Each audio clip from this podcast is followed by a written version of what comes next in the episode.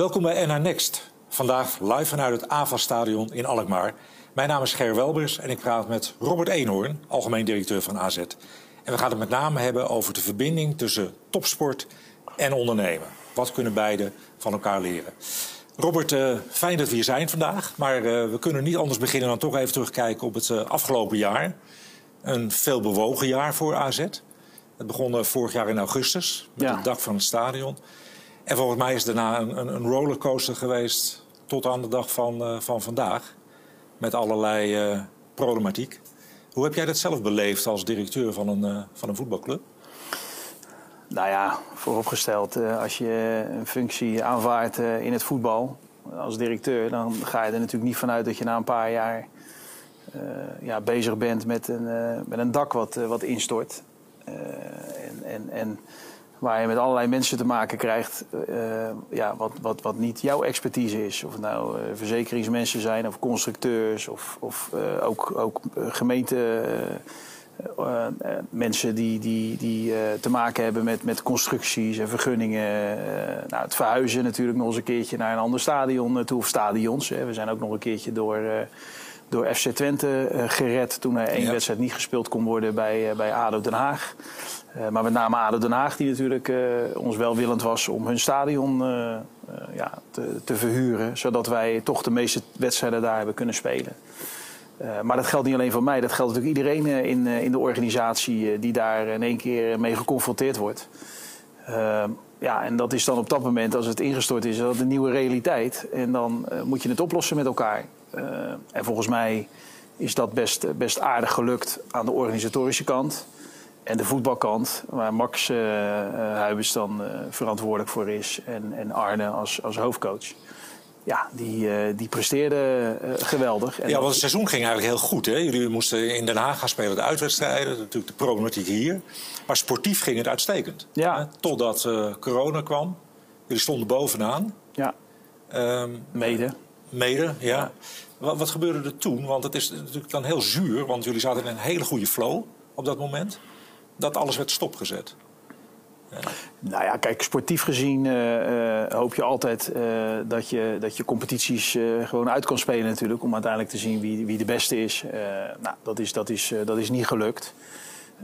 en de reden mogen duidelijk zijn. Hè, omdat op dat moment gewoon de volksgezondheid in, gevaar, in gevaar was.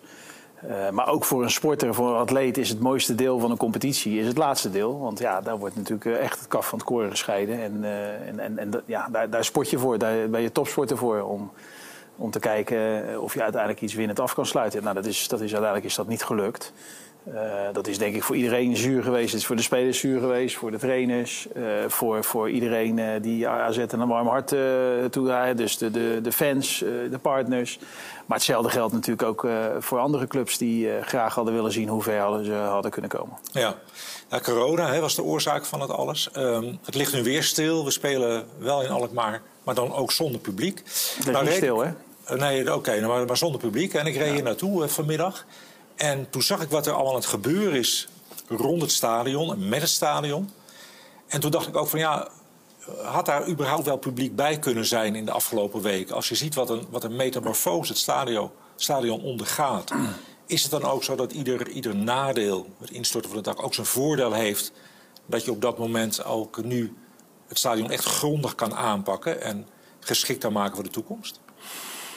Nou, twee dingen. Uh, ten eerste uh, hadden wij er rekening mee gehouden met, uh, met de bouw van het stadion. Dat wij nog steeds publiek zouden kunnen toelaten. En dat zijn ook de afspraken die we gemaakt hebben met, met de BAM. op het moment dat we daar ja tegen zeiden. dus de toegangsstromen, et cetera, die, die waren wel open geweest. Dus we hadden hier publiek kunnen hebben. Hadden we al ons publiek kunnen hebben? Dat is, dat is dan wel de vraag natuurlijk. Dat, dat, uh, dat weet je niet, hè, want iedere week moeten we weer vergunning aanvragen. En moet het stadion vrijgegeven worden. Dat is in ieder stadion zo en ook bij ons. Dus dat, uh, dat gezegd hebben, hadden, zouden wij hier wel publiek gehad hebben. het tweede, wij waren van plan om te kijken... kunnen we deze, dit stadion een, een, een facelift geven, een upgrade geven... Uh, met name gericht op extra comfort van de mensen. Dus niet zozeer door heel veel uit te breiden qua capaciteit. Maar met name om het aangenamer te maken voor de fan. Om uh, waar je ook zit in het stadion. Om wedstrijden te bekijken. Nou, dat hadden we fase 1 en we hadden een fase 2 daarin. maar we hielden natuurlijk niet, geen rekening met het feit dat, dat er een dak uiteindelijk naar beneden kwam. Dus ja, fase 1 en 2 werd fase 2 en 3. Want als eerste moest natuurlijk het dak gerepareerd worden en gemaakt worden. En daarvan denk ik wel, nou, je ziet nu al wat gebeuren rondom het stadion. De staalconstructies die omhoog gaan. Er staat hier een gevaarte voor het stadion. uiteindelijk zullen we een, een, een beter en mooier stadion hebben. Dat mhm. wel. Ja, nou dat is het voordeel inderdaad. Het, het, het wordt fantastisch, dat denk ik ook. Um, dan heb je wel door corona heb je te maken, nu geen toeschouwers, maar het duurt ook allemaal erg lang. Hè? Het is ook weinig perspectief wanneer er verbeteringen gaan komen. Hoe kwetsbaar is AZ als bedrijf ook voor corona op dit moment? Nou ja, kijk, het dakdrama, dat was het drama wat wij hadden. En niemand anders. Het, het, het verschil met corona is dat we in de voetbal wereld, maar dan ook echt de voetbalwereld, daar allemaal last van hebben. Dat is niet alleen een probleem van, van AZ. Uh, bedrijfsmatig, tuurlijk uh, heeft uh, de voetbalbranche daar last van. Want ja, je speelt professioneel voetbal. Je bouwt een stadion voor de fans en voor de partners en, en, zakelijke relaties om die wedstrijden te bekijken. En natuurlijk ook voor de fans die achter de tv zitten. Maar, met, maar het gaat om fans. Het gaat om mensen die, uh, die graag willen zien wat er op het veld gebeurt. Ja, op het moment dat je die niet kan uitnodigen, of het nou gaat om ticketing, of het gaat om sponsors, of het gaat om food and beverage, ja, dat valt. Valt weg. Dus, dus die inkomsten die vallen weg.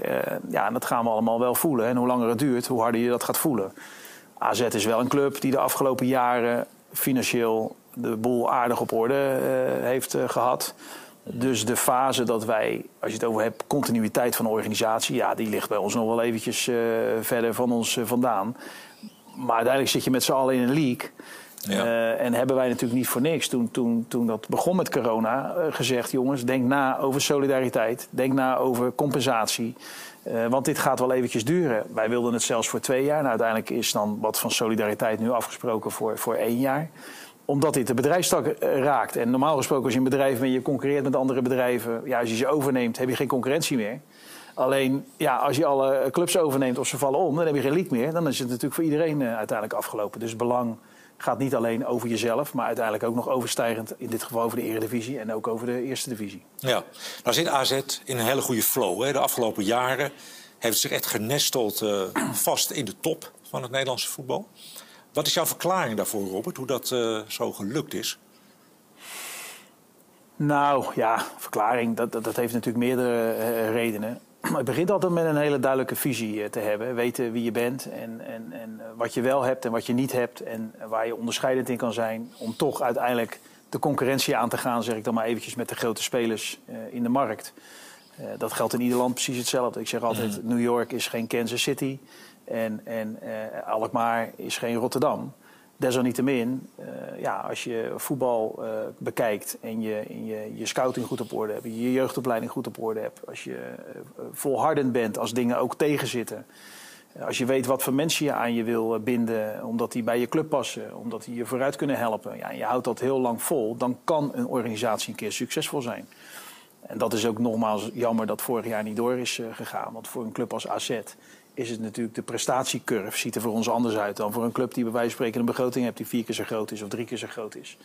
Mhm. uh, maar je kan een keer succesvol zijn. Dat is wel iets wat hier leeft. Ja. Uh, en dat we ook waar we met z'n allen achter staan en waar we ons ook niet achter verschuilen. Als jij met je mensen van de organisatie bij elkaar zit, spreken jullie dan wel eens een ambitie uit? Dat je zegt, nou, dat is eigenlijk onze ambitie waar we uiteindelijk naartoe willen Nee, maar die, eh, alles is wat dat betreft uh, helder hier. Of het over visie gaat, of het over ambitie gaat, of het over strategie gaat. Uh, wat voor mensen we hier willen hebben, hoe we elkaar willen om willen gaan. Dus ook met een ambitie, ja. Hmm. Kijk, de doelstelling van AZ is om elk jaar of structureel bij de top 4 te eindigen.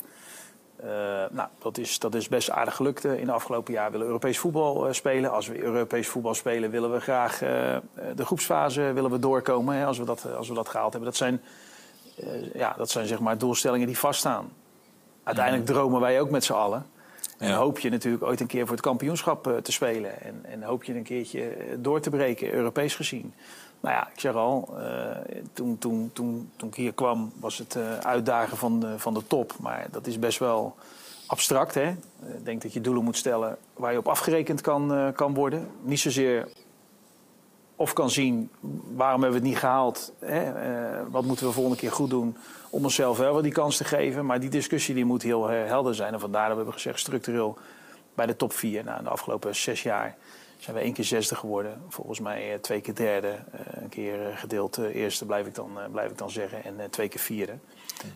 maar het is geen gegeven voor de toekomst. Want de rest staat ook niet stil. En de rest wil ook aanhaken. De rest heeft ook ambities. dus ja, het zegt eigenlijk ieder jaar alleen maar iets over dat moment. Ja. En dat heb je elk jaar weer eh, te bewijzen. Nou zei je zelf al iets over de begroting. Hè? De begroting is heel belangrijk binnen, binnen het voetbal. Zie jij mogelijkheden om die begroting te laten groeien van AZ? Of is, is het achterland dat AZ bedient, is dat te beperkt daarvoor? Of zijn er andere mogelijke nou, inkomstenbronnen waardoor je kan groeien? Ja, nou, dat is natuurlijk altijd uh, mogelijk. enerzijds zijn we daarvan afhankelijk, uh, ook van, van de overkoepelende organisaties. Hè. Het tv-contract wordt namens de Eredivisie wordt dat, uh, natuurlijk wordt dat, ja, afgesloten. Hè. Daar zitten we met z'n allen zitten we daarin. Nou, dat ligt vast tot 2025. Internationaal wellicht nog wel wat mogelijkheden. Uh, daar heb je natuurlijk ook met commerciële rechten te maken. Wat brengen alle clubs in? Uh, en kan de Eredivisie daar overkoepelend meer uithalen... zodat dat verdeeld wordt onder alle, alle clubs? En hoe ga je dat dan verdelen onder andere clubs? En zelf heb je natuurlijk uh, ook wel het idee dat je commercieel... je ticketing, food and beverage... we hebben evenementen hier zo in het pand, vergis je niet... een van de grotere inkomsten die we op dit moment missen... Is, is, is ook dat we hier geen evenementen kunnen houden voor grote groepen. Want er zijn in dit deel, zeg ik dan even van het land niet zo gek veel locaties waar je met uh, honderden mensen bij elkaar kan komen en waar alles onder één dak aanwezig is. Uh, maar die inkomsten denken we ook te kunnen vergroten. En wat nog veel belangrijker is misschien, is dat wij echt wel nadenken over hoe ziet het voetbal eruit over vijf jaar. Want je ziet het gewoon het hele voetballandschap internationaal zie je veranderen. Nou, wij hebben daar twee jaar geleden al uh, een keer daar, van gezegd dat we dat signaleren. Neem ons eens mee, Robert. Wat, wat zie je als veranderingen plaatsvinden op dit moment? Nou, als je het heel simpel wil zeggen, uh, zie je... Ik kom zelf uit het honkbal. Nou, honkbal uh, is... is, uh, is Major League Club heeft meerdere farmteams, zoals ze dat noemen. Dus het hoofdteam, de Yankees, ja, die spelen in New York. Maar vervolgens heeft die club heeft nog zeven teams... die overal in het land spelen op een bepaald niveau. Van single A tot double A tot triple A... en dan uiteindelijk tot de Major League. Uh, waar zij talenten opleiden, waar als je goed bent, die weer naar het volgende niveau gaat, maar wat allemaal onder de paraplu zit van, van een organisatie. Of het nou New York is, of Boston, of Los Angeles, of al die club, Major League clubs die er, uh, die er zijn. Nou, je ziet bijvoorbeeld Manchester City, geef ik dan maar even als voorbeeld. Die heeft volgens mij hun elfde club uh, inmiddels uh, gekocht. Zitten over heel de wereld. Hebben allemaal te maken met uiteindelijk de parent club, in dit geval Manchester City. Ja, daar, daar gaat men twee kanten mee op. Enerzijds natuurlijk het uh, vercommercialiseren van het merk uh, over heel de wereld. En anderzijds kan je natuurlijk hele logische stappen maken als je steeds beter wordt als, uh, als speler. Nou, dat is één model wat we, wat we terugzien, zeg maar. En wat je natuurlijk steeds meer ziet in de afgelopen jaren, is toch dat, dat investeerders uh, uit een aantal landen. Het was eerst China. Je ziet nu heel veel Amerikanen die, uh, die interesse gaan tonen mm. voor voetbalclubs in, uh, in met name Europa. Om daar een, een, ja, een belang in, in te Hoe verklaar je dat, die, die belangstelling vanuit Amerika voor het voetbal? Nou, dat is niet zo ingewikkeld. Want kijk, als je naar Amerikaanse sporten kijkt... en ik, nogmaals, ik heb er zelf in gezeten en ik heb voor meerdere clubs ge gespeeld... daar word je geruild. Dus als ik heel goed ben, en een club wil mij hebben, dan zegt mijn club dat is goed, maar dan wil ik drie, drie spelers van jou hebben. Dus daar gaat niet zo gek veel geld in om. Uh, dus de, de, waardecreatie voor een investeerder zit met name zit dat in uh, ja, een club is x waard en ik maak die club veel beter en een club wordt uiteindelijk y waard. Maar in voetbal heb je natuurlijk ook nog eens een keer het hele transfersysteem ja. waar, waar ja, geen rem op zit. Uh, het is maar net uh, wat de markt vindt dat iemand, dat iemand waard is. Dus buiten de waardevermeerdering die je als club kan genereren door gewoon meer waard te worden. Als je naar AZ kijkt, zes jaar geleden ten opzichte van nu, is AZ ook meer waard. Maar daarnaast heb je natuurlijk nog eens een keertje uh, ja, het hele transfersysteem. En er is gewoon ja, toch minder regelgeving in het, in het voetbal. Het grijze gebied is veel en veel groter dan dat dat in Amerikaanse sport is.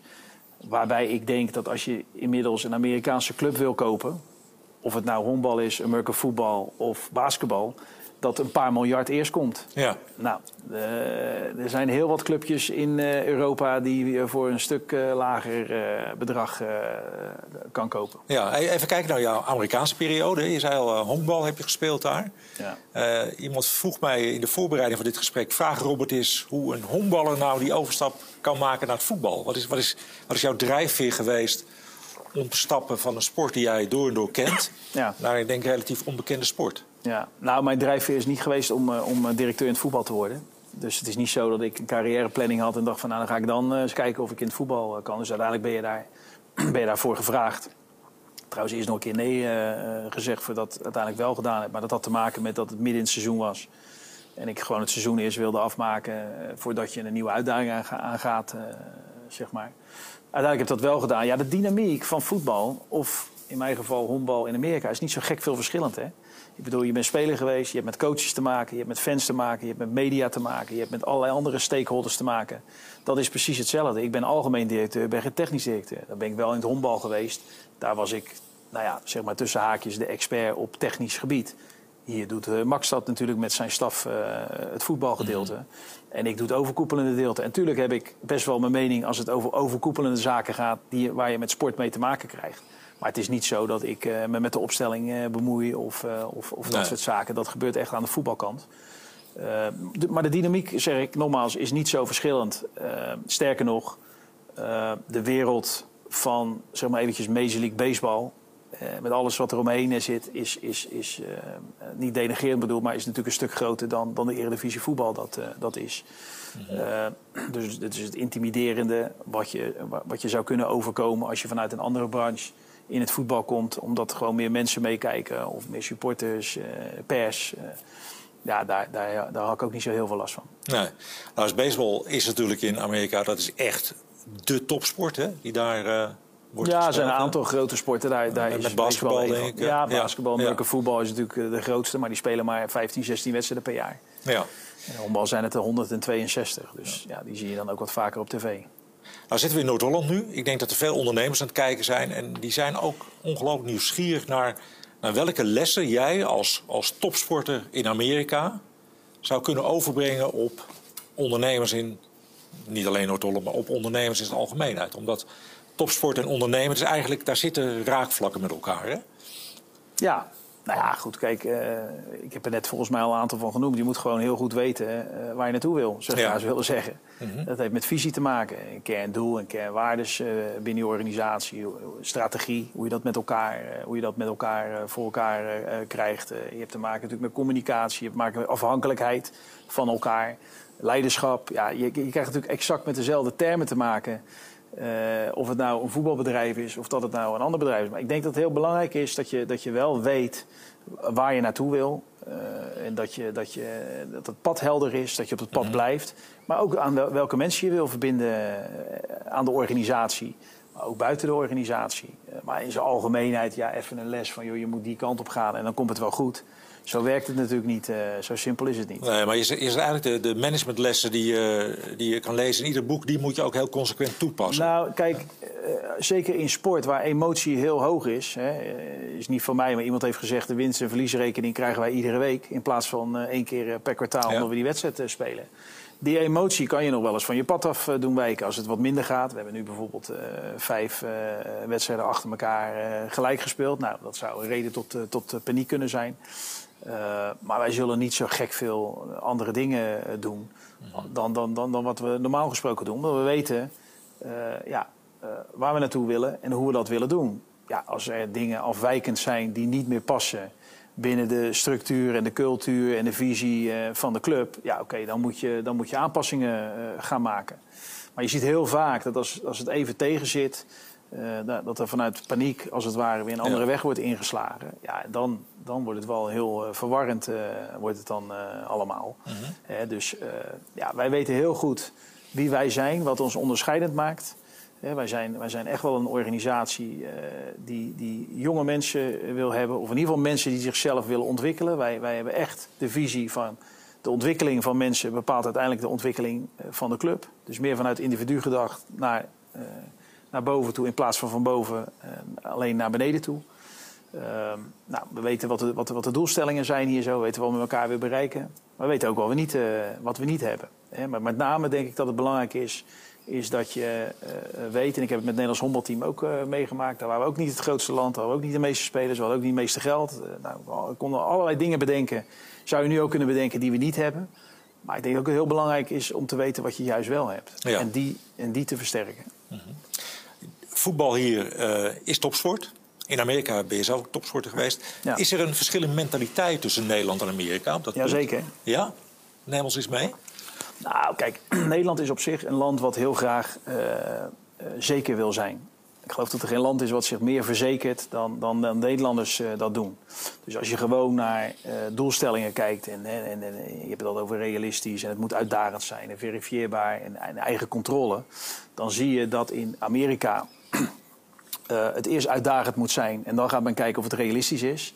In Nederland wil men graag realistische doelstellingen eh, neerzetten. En gaat men vervolgens nog een beetje kijken of het uitdagend is. En dat heeft gewoon met onze mentaliteit te maken, omdat wij ons heel graag veilig willen voelen. Dus in elke kleedkamer aan het begin van het jaar, en ik heb in veel kleedkamers gezeten daar. Iedere coach die daar als eerste een praatje houdt aan het begin van het jaar zegt: Ik wil kampioen worden. Ik heb er nog nooit één meegemaakt die zegt: Joh, ja. ik zou wel in het rechte rijtje eh, bovenaan willen komen. Of ik wil me handhaven in, uh, in de eredivisie. Uh, nou, wij doen dat wel.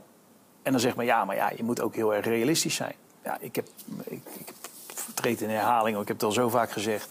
dat topsport natuurlijk gaat niet om realisme, maar boven jezelf uit te stijgen. Daar gaat topsport over. Nou, dus dat past iets meer bij de Amerikaanse mentaliteit. Want in Nederland wil iedereen gemiddeld gezien in Nederland heel erg veilig zijn. En gaat men vervolgens dan nog kijken of er een uitdaging is ja. met hetgeen wat men wil bereiken. Ik denk dat dat het grootste verschil is tussen de cultuur in Nederland en die in, uh, in Amerika. Nou zeggen ze wel in deze regio waar we zitten dat uh, mensen zo ontzettend nuchter zijn. Dat wordt vaak als, als pre gezien. Maar eigenlijk zeg je ook een beetje van ja, wees maar eens een keer niet zo nuchter. He, spreek jezelf maar eens uit qua ambities en, en treed maar eens buiten die eigen schaduw. Zet die ambities maar eens wat, wat verder weg. Nou, ik denk, ik denk in algemeenheid, in algemene zin dat als je niet een doel stelt waar, wat best wel uitdagend is en waar je heel hard voor moet werken hè, om het uiteindelijk te halen. En het is ook geen gegeven dat je het haalt. Eh, maar waar je alles voor nodig hebt om dat te kunnen bereiken. Ja, ik denk dat dat, dat dat uiteindelijk tot meer leidt dan wanneer je hele realistische doelstellingen neerzet en heel realistisch bent. Uh, uh, waarbij je aan het begin al bijna zeker weet dat je het uh, gaat halen. Hè? Mm -hmm. Dat geeft natuurlijk een lekker gevoel. En dan stellen we hem tijdens het seizoen stellen we hem wel, wel bij. Hè? Naar ja. boven altijd in plaats van, van naar beneden toe. Ja, ik geloof daar persoonlijk niet zo in. En ook als je naar, naar deze stad kijkt, Alkmaar. Ik, vind, ik, ik woon hier nu vier jaar. Geweldige stad. Heel veel mogelijkheden. Vlak bij het strand, vlak bij Schiphol. Waar heel de wereld, nou ja, nu dan even niet, maar normaal gesproken heel de wereld dagelijks bij elkaar komt. Ja, ik zou niet weten waarom je jezelf heel klein neer zou moeten zetten. Want er is gewoon heel veel. Dus ik zou ook, ja, als ik hier, maar ik heb het hier niet voor het zeggen in deze stad. Maar dan denk ik, ja, je hebt heel veel in handen om hier een hele bijzondere stad van te maken. Ja. Wat zou jij dus meer uitvinden van de ligging, centrale ligging, strand, de historische binnenstad? Want in mijn functie wil ik dat natuurlijk graag voor jou weten. Dat kunnen we gebruiken. Ja, precies. Ja. Nee, maar het, ik zeg het, die kanaaltjes, het is, het, is, het is een geweldige stad om doorheen te lopen. Mm. Ja, ja, misschien uh, iets minder leegstand uh, in de binnenstad uh, zou, zou prettig zijn. Ja. maar de locatie, ook voor buitenlanders, voor mensen die op vakantie hier naar Nederland komen, ja, denk ik dat je, dat je in deze regio een geweldige regio hebt. En ja, het, ik zeg al, het is, het, is, het is vlakbij, ook voor bedrijven. Ik weet gewoon vanuit ervaring uit de sport dat uh, grote organisaties in de sport... die willen graag ergens in een vliegtuig stappen, die willen eruit stappen... en dan moet het allemaal niet te veel reizen meer zijn... Uh, voordat men uh, op plaats van bestemming is. Nou, ik zeg al, 25 minuten. Ja. vlakbij, vlakbij Amsterdam is, is ook nog eens een keertje vlakbij...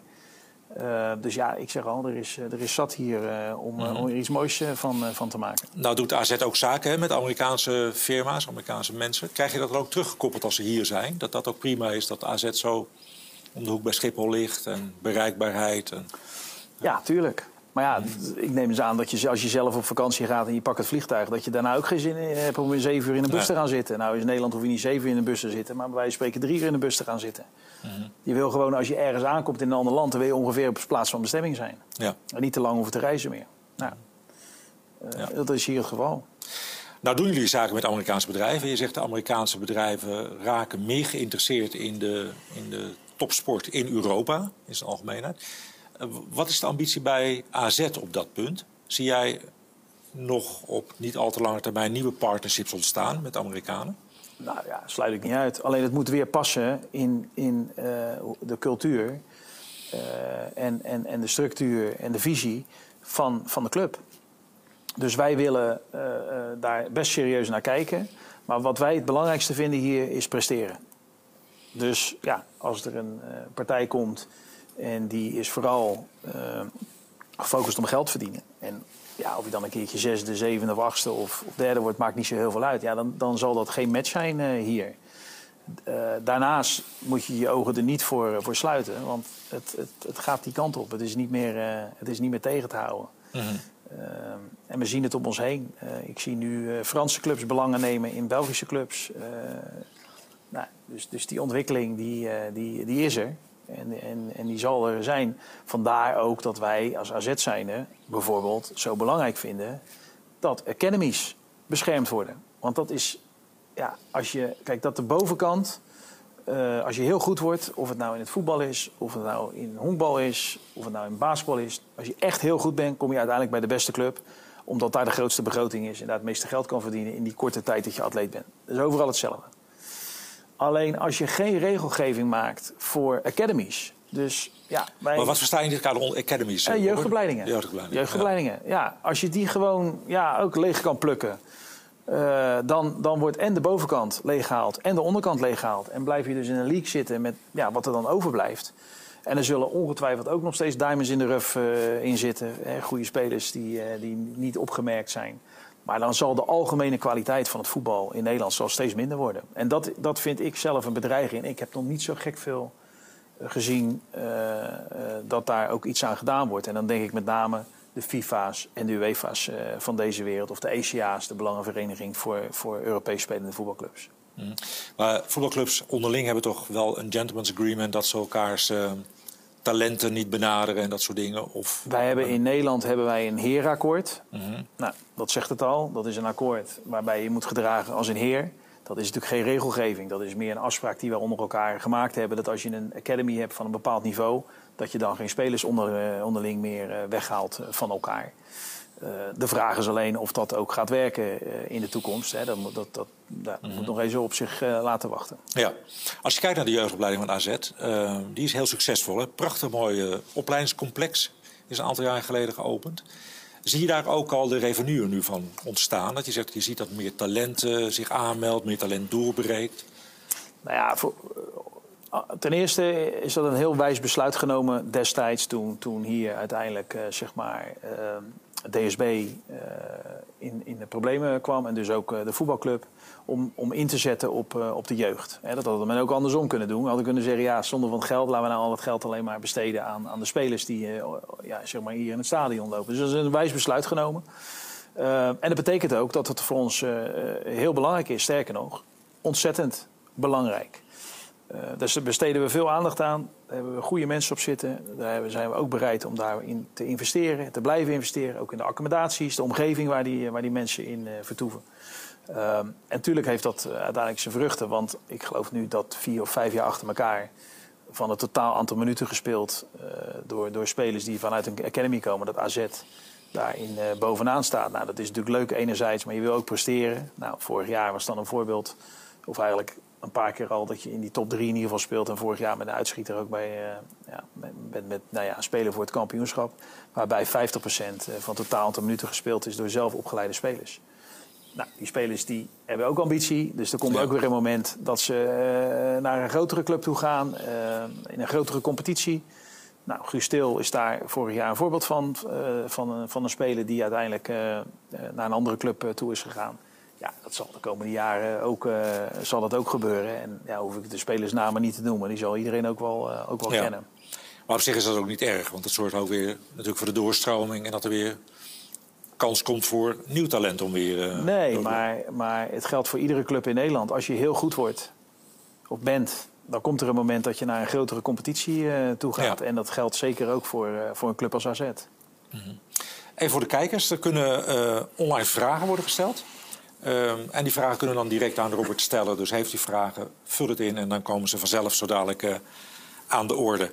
Um, Robert, even naar het ondernemersklimaat in Noord-Holland. Noord-Holland-Noord, zeg maar de regio waar wij hier zitten.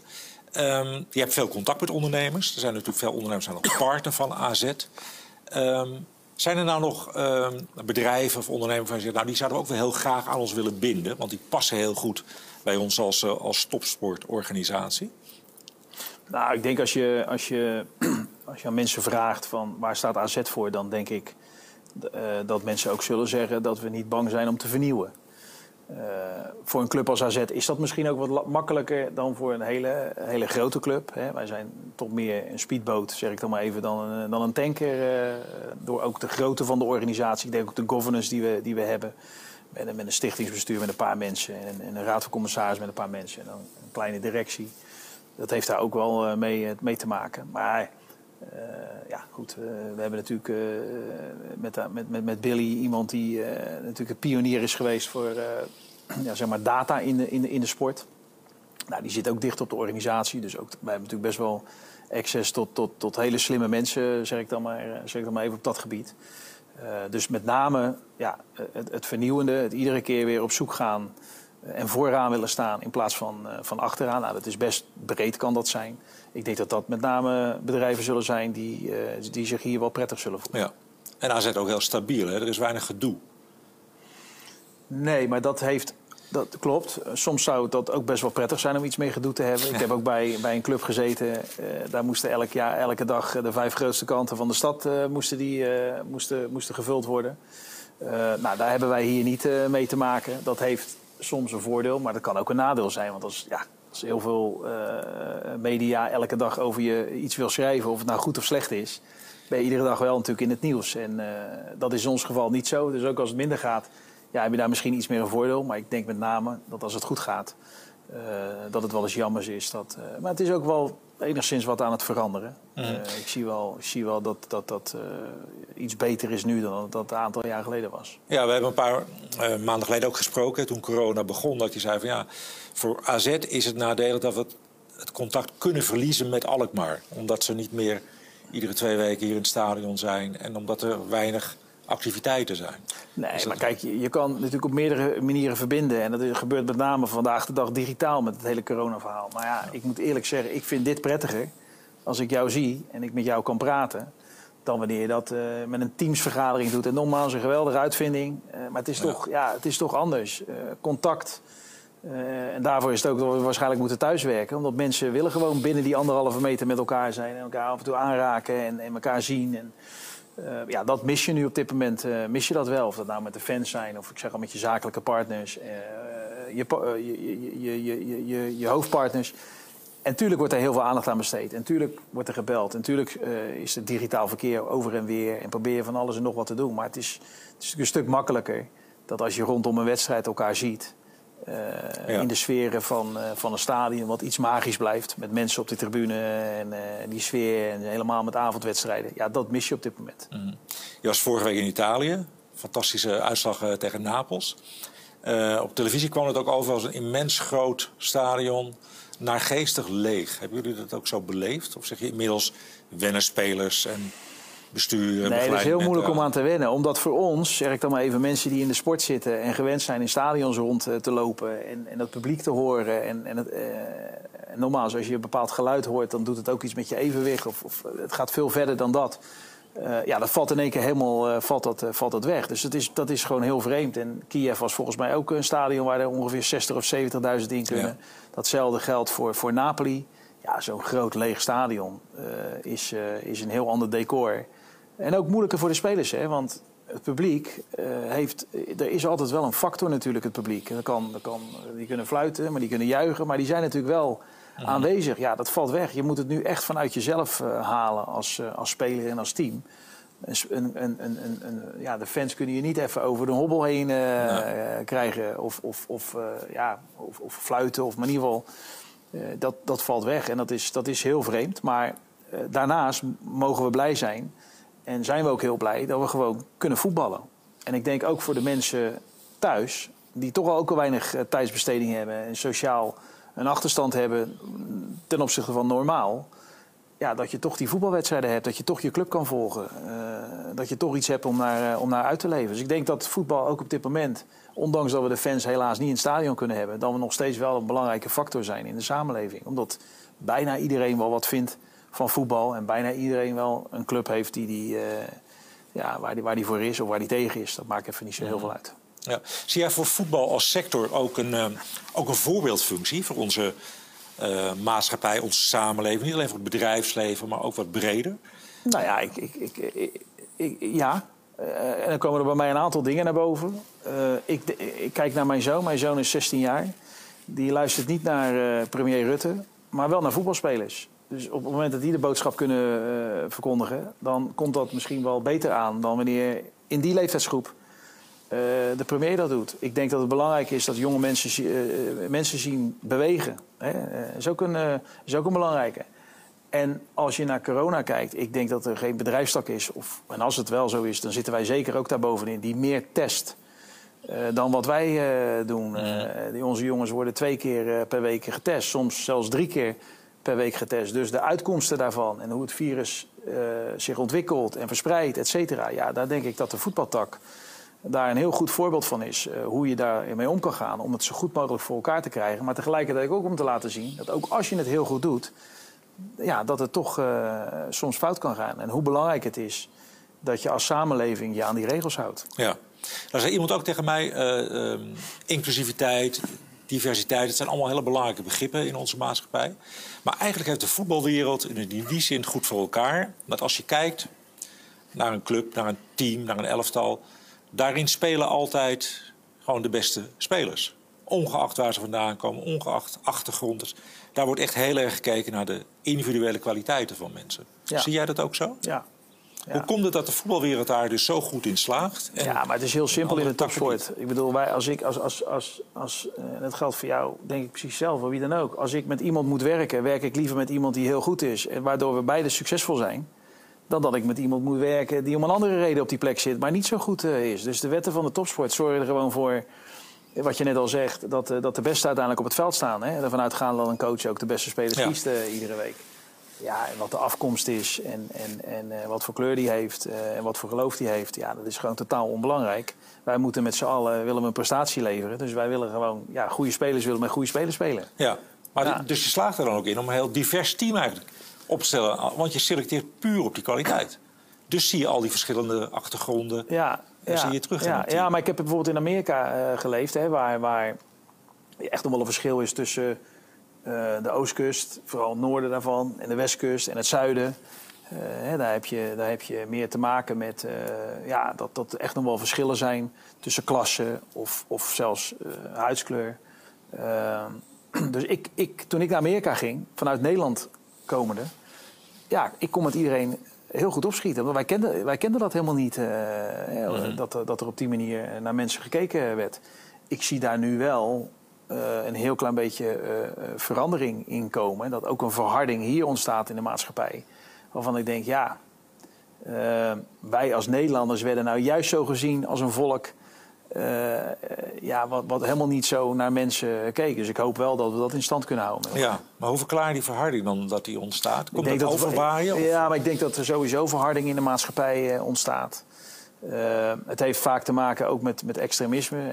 of, het nou, of je nou heel erg voor, doorslaat aan deze kant of je slaat heel erg door aan deze kant. Dat zorgt uiteindelijk ook dat mensen wat meer tegenover elkaar komen te staan. maar het individualisme in algemene zin ja, dat, dat is gewoon veel meer aanwezig ook uh, nu dan dat dat jaren geleden was. Mm -hmm. um, dus we hebben, er, ja, we hebben er met elkaar mee te maken. Maar als ik ook naar politici kijk en hoe zij communiceren vandaag de dag ten opzichte van 30 jaar geleden, ja, dat is ook veel harder is dat, is dat geworden. Ik, ik, je hebt de presidentsverkiezingen in Amerika weer. Nou, die ben ik dan wel gewend. Ja. Ik heb een aantal presidenten meegemaakt. Maar ja, als je ziet hoe die debatten daar gaan, dat gaat helemaal niet over inhoud en kwaliteit. Dat gaat over de meest gekke dingen, om de ander te kwetsen of, of ja. slechter uit te laten zien. En daar zit geen ja, reclames in Amerika. Die werden al gemaakt door, door jezelf neer te zetten om een ander merk in dezelfde branche uh, slecht neer te zetten. Dat kennen, dat kennen wij natuurlijk ook helemaal niet. Dus ja. daar was dat sowieso wat meer aanwezig. En uh, ja, je ziet het langzaam, zie je het wel, uh, zie je het wel komen hier zo. Ja, dus dan, dan is het ook niet zo gek hè, als je als bewoner van Amerika dat voorbeeld voorgeschoteld krijgt. Ja, nee, maar we hebben het in het honkbal ook gehad. Ik bedoel, uh, de eilanden, Curaçao en Aruba. Uh, ja, ik denk dat het Nederlands honkbalteam destijds uh, ja, heeft laten zien hoe je elkaars krachten optimaal kan, kan gebruiken om uiteindelijk met z'n allen tot een succes te komen. Mhm. En dat is ook weer een sportvoorbeeld. Dus ja, sport, ik denk politiek eh, ook best wel wat kan leren van, van sport. Ja. We hebben het net over corona gehad, maar dat gaat, geldt, geldt hier natuurlijk met diversiteit precies hetzelfde. Dus ja, ik zou, ik zou daar, als ik, als ik Den Haag was, zou ik dat niet uit het oog verliezen. En heel veel tijd en energie ook in, in steken. Mhm. Ja.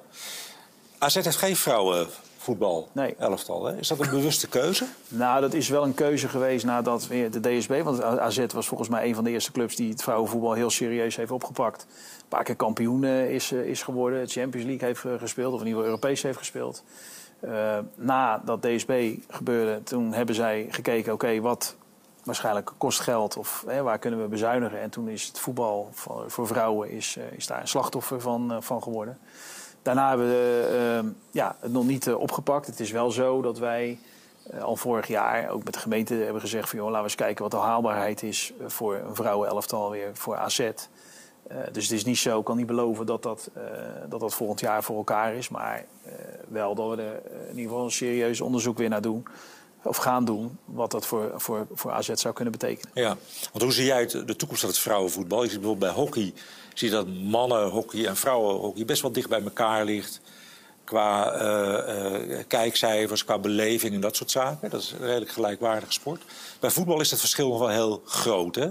Ondanks het feit dat het Nederlands vrouwenelftal wel heel veel ja. uh, goodwill scoort, heel hoge kijkcijfers, is het voor de rest bij de meeste betaald voetbalorganisaties is het nog een beetje bijzaken. Ja, ja. maar desalniettemin vind ik het wel knap dat uh, het Nederlands vrouwenelftal zo snel zo goed zijn geworden. Want over het algemeen, als je naar landen kijkt en, en de sporten waar ze goed in zijn, dat is eigenlijk heel simpel. Dan is het gewoon uh, dat als een sport heel populair is, dat een atleet of een sporter die sport kiest. Omdat het gewoon heel populair is. Daarvoor zijn ze in Cuba heel goed uh, met honkballen. Daarvoor zijn ze in, uh, in uh, Servië of, of het is het, die kant bijvoorbeeld goed in waterpolo. Omdat dat een hele populaire sport is. Uiteindelijk gaat het erom dat je dat je, je beste atleet jouw sport gaat beoefenen. Nou, ik denk dat als je naar het vrouwenhockey kijkt ten opzichte van het vrouwenvoetbal... dan is het vrouwenhockey al langer serieus met een Olympische Spelen waar je naartoe kan gaan.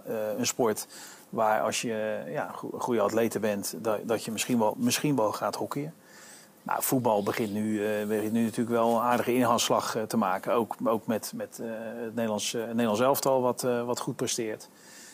dus ik denk dat als je het daarover hebt, en ik moet heel voorzichtig zijn, maar ik, ik wil het niet over aantrekkelijkheid hebben. Maar ik denk dat het niveau van het vrouwenvoetbal, ondanks dat ze al heel goed zijn, alleen nog maar verder omhoog zal gaan. Mm Ja. We zijn bijna er doorheen, Robert, door de tijd. Gaat snel. Wat is jouw persoonlijke ambitie? Persoonlijke ambitie? Nou, ik ben, ik, als je het over carrièreplannen hebt, dan... Uh, dan uh, dat doe je niet aan? Nee, nee, totaal niet. Ik wil een omgeving werken waarbij, uh, waarbij ik ja, een gevoel heb dat je daar iets aan naartoe kan voegen. Maar waar, waarbij je in een organisatie zit wat ook bij jou past. ik wil plezier hebben in mijn werk iedere dag. En ik, ik wil wel groeien. Groei is voor mij heel belangrijk. Op het moment dat uh, ergens geen groei meer in zit, dan, dan zou je nog steeds kunnen zeggen: dan is bij een voetbalclub werken als directeur een geweldige baan. Maar dan denk ik niet dat ik meer de, de uitgewezen persoon ben. Dus zolang er groei zit in AZ, nou, dan, dan zit ik hier op mijn plek. ja, als mensen keuzes maken en zeggen: joh, dit is prima zo en laten we dit de komende tien jaar ook maar zo doen zoals we doen waarbij ik dan denk dat je, dat je achteruit uh, zal gaan, dan, dan, uh, ja, dan denk ik niet dat ik de uitgewezen persoon ben. Maar waar ik dan terecht kom, ik heb geen, ik heb geen idee. Kan het zo zijn dat, omdat je hier veel ervaring hebt in de voetbalwereld opgebouwd, je hebt de Amerikaanse sportachtergrond ook, dat jouw toekomst dan misschien in Amerika ligt bij een voetbalorganisatie ja, daar? dat weet ik niet. Die kansen zijn er al zat geweest. Maar ik heb een zoon van, van 16 jaar, mm -hmm. die, die nu weer door mij heeft moeten verhuizen. Eh, zijn plek heeft gevonden, eh, mevrouw de plek heeft gevonden. Eh, kijk, als je topsporter bent, dan, dan zit er ook een bepaald egoïsme zit er, zit er in je. Hè. Dus mijn familie is eigenlijk als het ware altijd mijn ambitie achterna gereisd. Als je wat ouder wordt, dan, dan, dan moet er wel het hele plaatje moet ook kloppen. Dus dat hangt niet alleen maar af uh, van wat ik persoonlijk alleen heel graag zou willen. Maar dan kijk ik er ook eventjes naar, uh, naar, naar, het gezin. Uh, naar het gezin ja. ja. ja. Oké. Nou, ik wil je hartelijk bedanken voor het gesprek, Robert. Ja, mooi openhartig gesprek. Um, dit was NH Next voor vandaag. Volgende week zijn we weer terug, 4 november. Dan starten we met een reeks livestreams over toerisme. Bestemming onbekend. 4 november trappen we af om twee uur. En uh, dat gaat er over de sector, toerismesector in Noord-Holland. En ook op 5 november is een uitzending van NH Next. En dan wordt een programma gelanceerd, het programma Investeringsgereed, Innovatief, MKB. Graag tot dan.